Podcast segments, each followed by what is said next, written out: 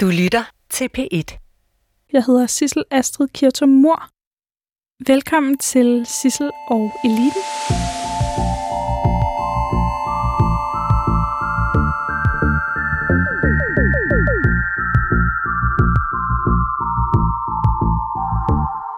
Nana Bule, velkommen til Sissel og Eliten. Jeg er i gang med sådan et stort, stort dannelsesprojekt, hvor jeg prøver på at finde ud af, om jeg kan blive en del af magteliten.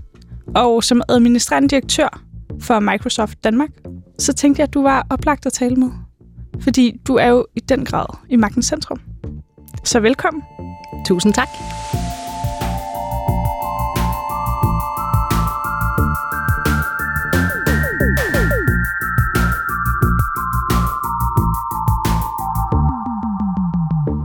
Nana, hvad er det helt præcis, man laver som administrerende direktør for Microsoft? Jeg tror, uanset hvor man er administrerende direktør, så er den vigtigste opgave jo at sætte retningen for den virksomhed, man nu engang leder. Det er at sætte rammerne, så det vil sige sætte teamet, øh, lave en organisation, og så er det selvfølgelig at sikre øh, de investeringer og de prioriteringer, der skal til for at lykkes med det mål, man har. Så hvordan ser din arbejdsdag ud? Hvem skal du tale med? Jeg tror, som så mange andre sidder jeg i mange møder, øh, og jeg forsøger at være meget bevidst om at fordele min tid mellem min organisation, så jeg taler selvfølgelig meget med min direktion. Jeg taler meget med resten af vores organisation, men jeg bruger også meget af min tid, gerne halvdelen af den, eksternt på vores kunder og vores partnere, for at være sikker på, at vi øh, gør det, der skal til i markedet. Men det er ikke dig, der tager telefonen, når jeg ringer og har problemer med en office-pakke, vel? Altså, det kan godt ske, at du kan komme hele vejen igennem, men så skal du virkelig have nogle seriøse problemer. og være meget, meget insisterende. Ja. Hvor meget skal der til for det? Nej, det er klart, at nogle ting lander jo på mit bord. Det gør de naturligt. Øh, jeg forsøger at gøre mig umage med at svare alle de henvendelser, jeg får. Jeg vil sige lige på teknisk support, selvom jeg har en teknisk baggrund, så vil jeg altid øh, henvise til nogen, der er dygtigere end jeg til at løse den konkrete udfordring. Hvad synes du egentlig, der er sværest ved, ved dit job? Hvad synes jeg er sværest? Men jeg ved ikke, om der er noget, der sådan, hvor jeg tænker, det er rigtig svært. Der er mange udfordringer, og der er mange nye ting hele tiden. Men det er jo det, jeg synes, der er interessant ved det. Så jeg tænker egentlig ikke på det som, at der er noget, der er svært eller sværest. Jeg tænker mere på, at det der nærmest dagligt er en mulighed for at udvikle sig og lære noget nyt. Mm. Og hvordan, hvordan sørger du for at udvikle dig? Men det sørger verden jo helt af sig selv for. Altså man kan sige, hvis man bare ser på det seneste år, har vi jo virkelig været kastet ud i en helt ny måde at drive virksomhed på, og en helt ny måde at skulle agere i et samfund på, både som menneske og som leder. Så på den måde synes jeg hele tiden, der sker så hastig en udvikling, særligt i min branche. Tech-branchen er jo en af de industrier, der dengang påvirker alle andre industrier, men jo også samfund globalt set. Så der skal man hele tiden holde sig på tæerne, være nysgerrig for den forandring, der sker, men også for de nye muligheder, der kommer. Mm. Hvis jeg nu gerne vil være bedre til at komme frem i verden, ligesom du er, har du så nogle konkrete råd? Er der noget, man kan gøre? Jeg tror, det er rigtig vigtigt at finde ud af både, hvad du er passioneret omkring, men også at finde ud af, hvad er det, du er rigtig dygtig til. Altså, hvor er det, du skiller dig ud? Hvor er det, du har noget at byde ind med og bidrage med, som andre er interesseret i. For det er jo den måde, du bliver inviteret med indenfor, eller inviteret med til bordet. Hvordan fandt du ud af, hvad du var passioneret omkring? Jeg tror, det kom sådan stille og roligt. Jeg har altid været et meget nysgerrigt menneske, et uh, nysgerrigt barn, uh, der læste utrolig meget, meget bred interessesfære. Og jeg tror, det kom sådan løbende af, at da jeg var færdig med at læse, der øh, det her teknologi var sådan virkelig ved at øh, eksplodere. Så mens jeg var på gymnasiet, begyndte internettet sådan for alvor at slå igennem. Det lyder som om, jeg er 800 år gammel. Det er du altså ikke. Nej, men det begyndte sådan for alvor at være der, hvor man kunne søge information, man kunne kommunikere med hinanden. Og det var så tydeligt for mig at se, at det ville fundamentalt forandre den måde, vi både levede på, men også drev virksomheder på. Så det gik ret hurtigt op for mig, at jeg nok skulle være tæt på teknologi. Fordi du var nysgerrig på det, eller fordi... Jeg var nysgerrig på det. Jeg synes, jeg havde en god forståelse for det, men særlig en forståelse for anvendelsen af teknologien. Så jeg var nørdet nok til at være nysgerrig til at forstå den, Men det, jeg fandt ud af ret tidligt øh, i min karriere, jeg kunne, det var at oversætte teknologien til forretning. Så det vil sige, kunne anvende teknologien til at løse nogle forretningsmæssige udfordringer. Har du altid haft et drive for at have magt? Ja, det har jeg nok. Nu magt jo sådan et, øh, et interessant ord. Der er jo nogen, der synes, det er negativt lavet, og nogen, der synes, det er positivt lavet. For mig er magt jo et ord om, at man har et kæmpestort ansvar. Og jeg har altid søgt ansvaret. Øh, også som, som barn og ung. Øh, så det tror jeg kommer mig helt naturligt, det her med at have en, øh, altså en naturlighed omkring at tage et stort ansvar. Og jeg har løbende i min karriere søgt større og større ansvar. Hvornår startede du med at søge ansvar? Jeg tror helt naturligt som person har jeg nok allerede i mine første tidlige jobs været en, der påtog mig et ansvar, øh, gjorde mig umage, det havde jeg med hjemmefra, at øh, det skulle man altid gøre, men måske også sådan påtog mig et større ansvar, end jeg skulle have, eller skolen i gruppearbejde øh, måske lidt mere naturligt være den, der forsøger at organisere det og få de andre med. Så må ikke det er kommet lidt af sig selv. Er det det, der gør dig til en god leder også i dag? Der er helt sikkert en styrke i at kunne sætte mennesker sammen, der har forskellige artede kompetencer for at kunne løse en problemstilling, og, og kunne få dem til at samarbejde, og dermed frigive det, som jeg plejer at kalde den kollektiv intelligens, altså det her med at kunne få det bedste ud af mennesker. Så det at kunne sætte teamet, få dem til at samarbejde, øh, er klart noget af det vigtigste i det at være leder. Hvad skal man ellers kunne, hvis man gerne vil frem i verden? Udover at finde sin passion? Jamen, det handler jo lidt om, hvad vej du gerne vil frem i verden. Der er jo mange veje til, mm. til Rom, som man siger. Så det handler også lidt om, hvad vej du vil. Altså man kan sige, at den vej, jeg har valgt, øh, handler, så skal man også være god til noget finansielt. Altså man skal forstå økonomi, man skal forstå det at drive en forretning, man skal forstå tal, man skal være ret analytisk anlagt, man skal kunne tage store datamængder ind, overskue dem, tage beslutninger på baggrund af dem. Så det er jo en vej, man kan gå. Men der er jo alle mulige andre veje ind i magtens centrum, hvis det er der, du er på vej hen. Så jeg tror, det er igen det her med at finde, hvad er din rigtige vej ind? Mm. Så hvad Hvilke er det, du andre er veje til? er der? Jamen, jeg kan da se i nogle af de sammenhænge, jeg indgår, der er der nogen, der har den samme baggrund som mig, men der er heldigvis jo også nogen, der har en anden baggrund. Og jeg synes i højere og højere grad, at administrerende direktører og bestyrelsesformænd og andre, øh, der sidder i ledende stillinger, er bevidste om, at det er vigtigt, at vi ikke alle sammen ligner hinanden. Så jeg tror faktisk... Det er gode nyheder. Det er gode nyheder for dig. Jeg tror, at tiden er med dig, forstået på den måde, at der er en, altså en større bevidsthed om, at mangfoldighed reelt er vigtigt. Øh, verden forandrer sig utrolig hurtigt. Hvis der sidder fem kopier af mig og skal træffe beslutninger om fremtiden, så er der en risiko for, at det bliver lidt ensporet, og vi kommer til at træffe de samme beslutninger, som vi gjorde for fem år siden. Hvis nu du og jeg sad sammen og skulle udvikle et nyt produkt for Microsoft, så vil du jo helt sikkert komme med nogle perspektiver, stille nogle spørgsmål, som var fuldstændig anderledes, end jeg vil gøre. Og det er jo det skønne i det.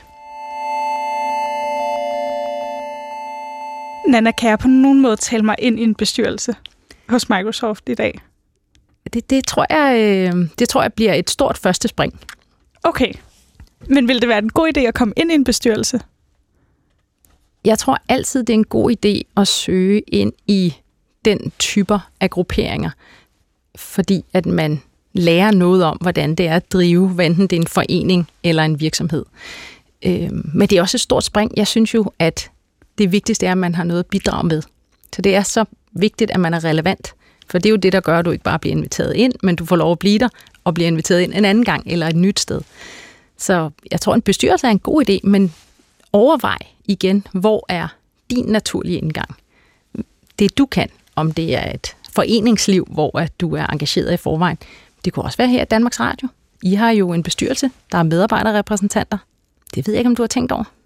Ej, det skal jeg jo det skal jeg faktisk overveje. Desværre er jeg kun freelancer. Jeg er så løst ansat, som man kan være. Jamen, det kan jo ændre sig.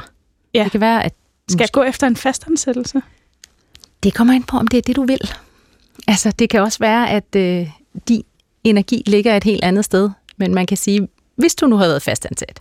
Så det at engagere sig på sin egen arbejdsplads, jeg er sikker på, her er det sikkert også noget med, at man skal være lidt politisk engageret. Måske noget, noget fagforbund eller noget i den stil, for, ja. at, der får bane vejen. Men det kunne jo være en vej at gå øh, inden for din professionelle sfære. Det kan også være, at du skal en helt anden vej. Altså der, hvor jeg møder flest, der har en, en anden baggrund, det er også i iværksættermiljøet. Mm. Og de er jo blevet meget populære de seneste par år. Det tror jeg, man vil se, hvis man ser på øh, den type af konstellationer, der er, hvor meget øh, de også fylder i den politiske debat. Så der, hvor jeg ser, at man dels ser flere yngre mennesker, men også mennesker med en anden baggrund, er dem, som har drivet i sig til at skabe noget selv, og dermed får en platform, der kvalificerer dem, eller i hvert fald gør dem interessante, både i bestyrelsessammenhæng, men også i andre sammenhæng. Så det kan være, at du skulle være iværksætter. Ej, men hvad gør man så, hvis, lad os lege, jeg har fået en rigtig god idé. Hvad i alverden gør jeg så? Fordi jeg går ud fra, at jeg skal have nogle, nogle penge. Til er altid at, en god idé at have penge. Til at komme ud med den her idé. Og det er ikke rigtigt, et banklån virker ikke super smart for en iværksætter. Eller hvad? Og der er mange, der tager... Altså, lån er jo ikke en dårlig, øh, et dårligt udgangspunkt, men man kan sige, jeg tror altid, det er en god idé, når man har en idé, og så at validere den med nogen. Så jeg er sikker på, at du kender øh, en masse kloge mennesker. Nu møder du i hvert fald øh, nogen igennem ja. den her række, også dine tidligere programserier. Så lidt forskellige perspektiver på din idé øh, for nogen til at give input, og så øh, finde ud af, jamen, man skal jo bygge en business case og en business plan. Så man skal jo nok have bygget en plan for, hvad er det, man gerne vil skabe, hvordan kommer økonomien i det til at se ud? Ellers er der jo ingen, der kommer til at give dig penge, ingen engang banken. Er der andet, jeg kan gøre for at blive bedre til at komme frem i verden? Du kan helt sikkert positionere dig selv. Oh. Så ja, det er jo også vigtigt, at man gør opmærksom på, at du eksisterer.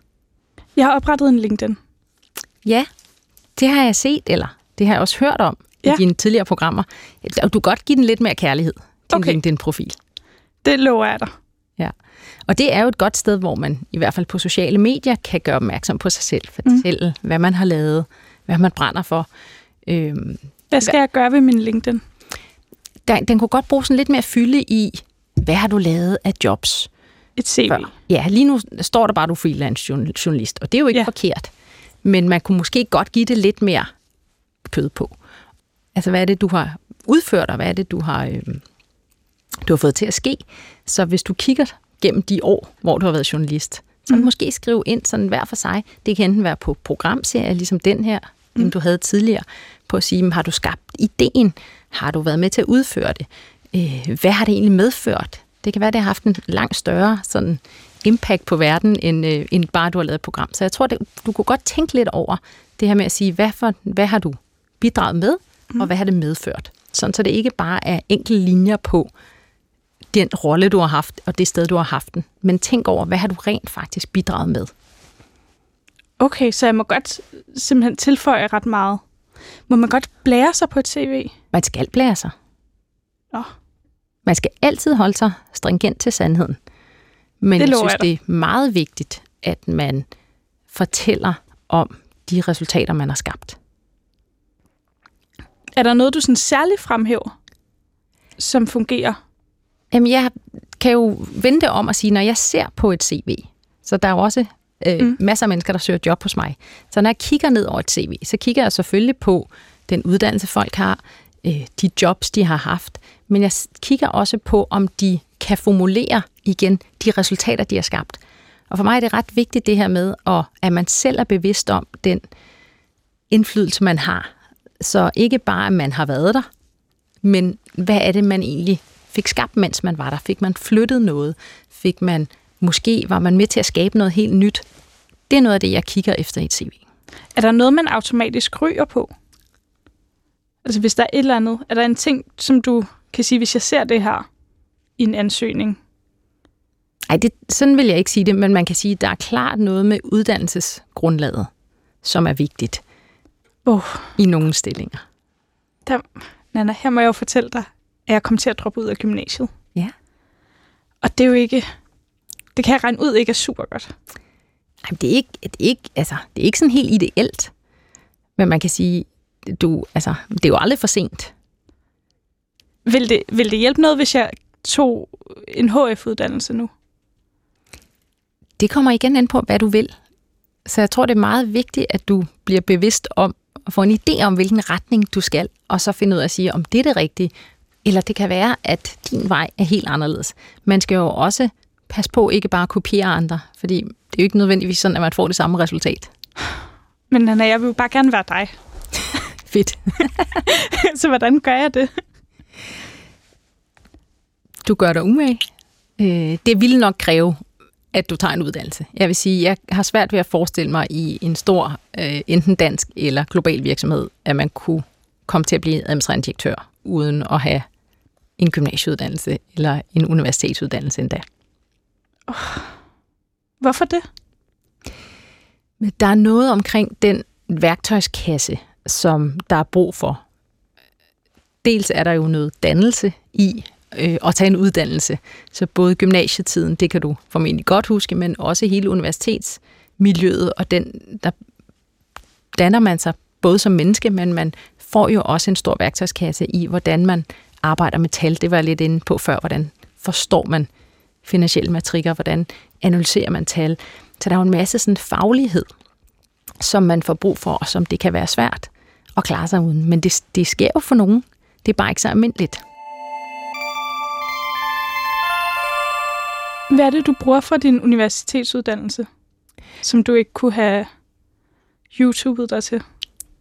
Og det er fedt, du siger det. Der, det siger også lidt om forskellen øh, på din og min alder. Øh, jeg har jo også selv børn, og de kan jo alt i hele verden, fordi at man kan finde en 5 minutters video på YouTube om alt. Og det er jo skønt.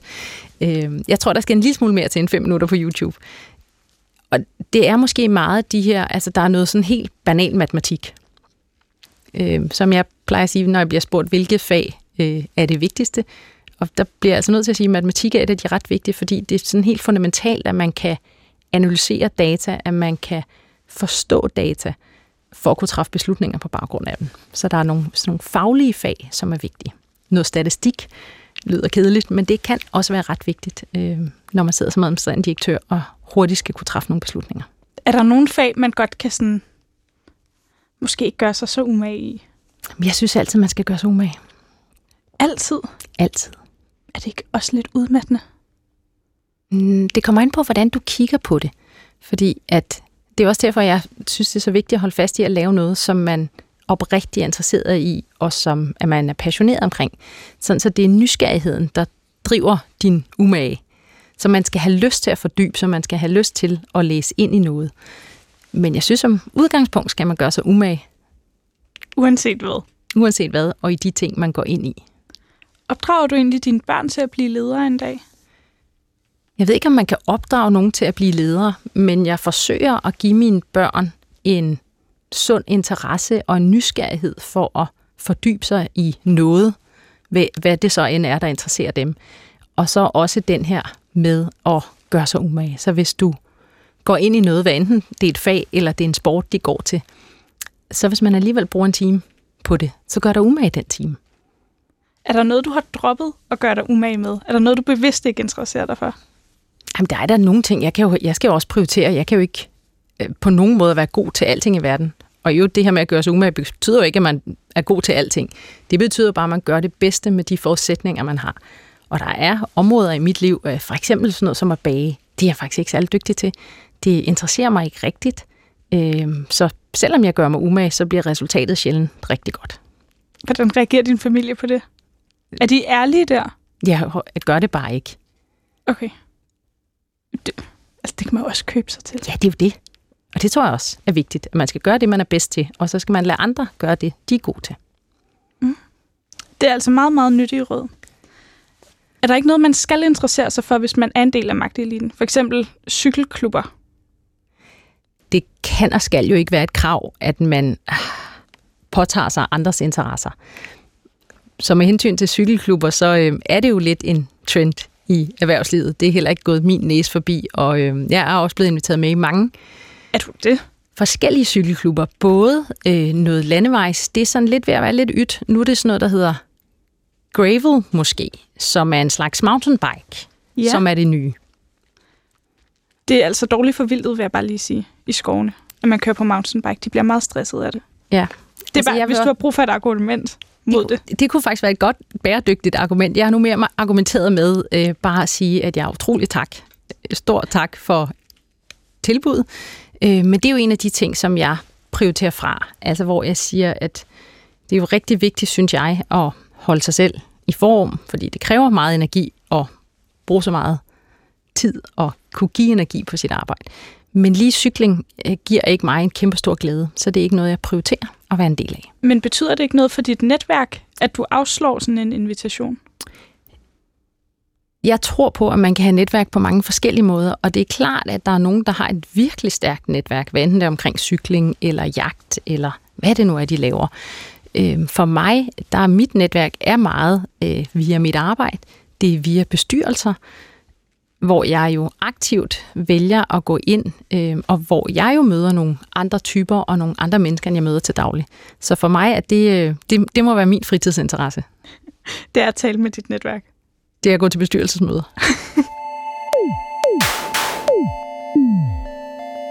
Hvad lavede dine forældre egentlig? Jeg kommer fra et øh, helt klassisk arbejderklasse hjem øh, i på Vestegnen, så der har vi lidt til fælles. Det har vi. Ja. Jeg er jo fra Nordvest. Jeg er fra Herlev. Det er lidt Ej. længere, længere ude af Frederikssundsvejen. Mhm. Min øh, far øh, er, eller var elektromekaniker. Han er pensioneret i dag, og min mor, hun var det, det der hedder Montrice.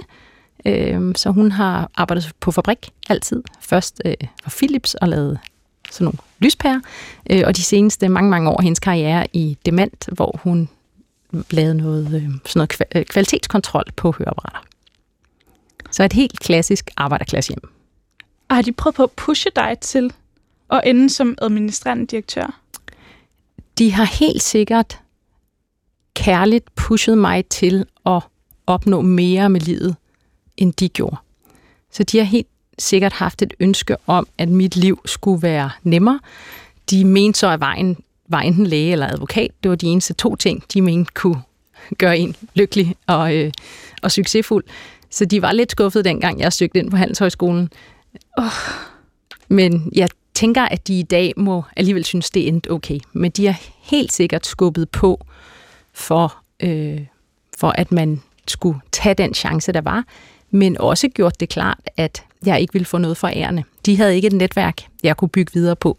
De havde ikke en masse midler, jeg kunne få med. Så det var op til mig at lykkes med det, jeg ville. Har det været et handicap, at de ikke har haft et netværk, du har kunnet bruge? Det tror jeg godt, det kan have været, eller det kan i hvert fald være en fordel for nogen, at øh, ens forældre selvfølgelig har et netværk og kan hjælpe med at skaffe en måske et studiejob eller ens første job. Det kunne de ikke. Men så kunne de give mig en masse kærlighed og nogle gode gener. Så derfor kan det være en fordel. Øh, det giver selvfølgelig også noget dannelse øh, på en anden måde, måske at være fra en anden type hjem. Men, øh, men jeg har ikke, de, de har i hvert fald ikke kunne hjælpe meget direkte, øh, heller ikke i skolen. Hvornår trækker du på din dannelse i magteliten? Hvornår bruger du den? Det mener jeg, man gør hele tiden. Altså det er igen den her med at kunne gå respektfuldt ind i alle relationer, øh, men også at kunne sikre, at man bidrager med noget og kommer med noget. Så jeg synes, den her dannelse om at være et, et ydmygt menneske, det lyder kommer til at lyde sådan lidt underdanigt, sådan er det slet ikke. Men trods alt at være en lille smule ydmyg, og så øh, at gøre sig umage, det tror jeg altid kommer, kommer godt igen. Så det er ydmyghed og umage at finde ud af, hvad ens passion er. Ja, så er det at gøre opmærksom på dig selv. Nu Ja. var vi kun lige omkring LinkedIn tidligere, Ja, men der er jo også noget med at få sagt højt, hvad du gerne vil. Og det kan man sige, det gør du her i x antal programmer over for en masse mennesker, der måske kan hjælpe dig videre. Men jeg, det er så vigtigt, at man får sagt højt den ambition, man har. Øh, jeg, det er noget af det, jeg siger meget ofte til mine medarbejdere og de eksterne, jeg er mentor for. Det er jo det her med at være nu ærlig og åben og turde sige din drømme højt. Fordi jeg er ikke tankelæser. Jeg kan jo ikke gætte, at du gerne vil have haft den rolle, eller Altså, jeg tror meget på, at man skal være åben om sine ambitioner, gøre opmærksom på sig selv, for ellers kan andre ikke hjælpe dig på vej. kan det nogensinde blive for meget? Ja, selvfølgelig. Åh oh, nej, hvornår finder man ud af, at det er blevet for meget? Jamen, det, det, det er jo igen den her med at have en god føling for situationen, og have respekt for de mennesker, man mødes med. Øhm, og måske også holde sig til der, hvor man mener, man reelt har noget at bidrage med. Hvad er egentlig dit bedste telefonnummer i din telefonbog? Jeg er ikke typen, der... Øh, altså, jeg tror, at telefonbog er sådan lidt en anden generation, hvis man ja. må være så fri. Øhm, Koder du ikke nogen numre ind på din telefon? Ikke rigtigt. Det har jeg ikke gjort i overvis. Jeg gør det en gang imellem, hvis der er nogen, jeg taler tit med. Men jeg vil sige, nu om dage øh, kan man jo få fat i alle i verden, praktisk talt. Så LinkedIn er min vigtigste telefonbog, om du vil. Øh, så det er et rigtig godt sted at få kontakt. Øh, og ellers så har jeg selvfølgelig telefonnummer, men som, som regel plejer jeg at skrive til folk først, eller sende en sms, øh, og så kan de ringe, når det passer. Men mindre det er vigtigt, så ringer jeg. Hvem, hvem har du sidst ringet til, hvor det var vigtigt? Jeg ringede faktisk øh, på vej herind til André Rokachevski, som er administrerende direktør i Netcompany. Oh. Fordi jeg skulle tale med ham om en konkret sag. Vil du egentlig linke med mig på LinkedIn? Det vil jeg være så glad for. Ej, Nana. Det er jeg simpelthen så glad for. Må jeg ringe til dig, hvis jeg nogensinde får brug for din hjælp igen? Du må gerne ringe. Jeg er nemmest at fange på sms. Okay. Eller på LinkedIn. Kunne jeg på nogen måde komme i praktik hos dig? Det er faktisk ikke en dårlig idé.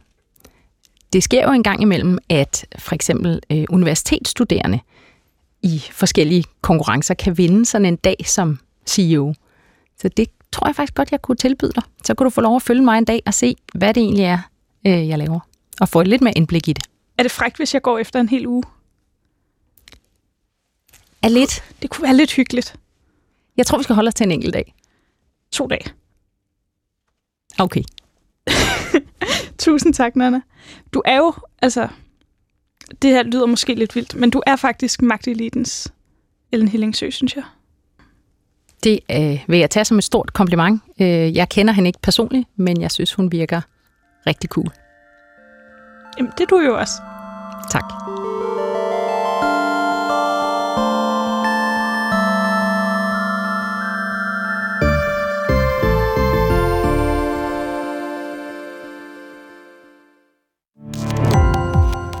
Gå på opdagelse i alle DR's podcast og radioprogrammer. I appen DR Lyd.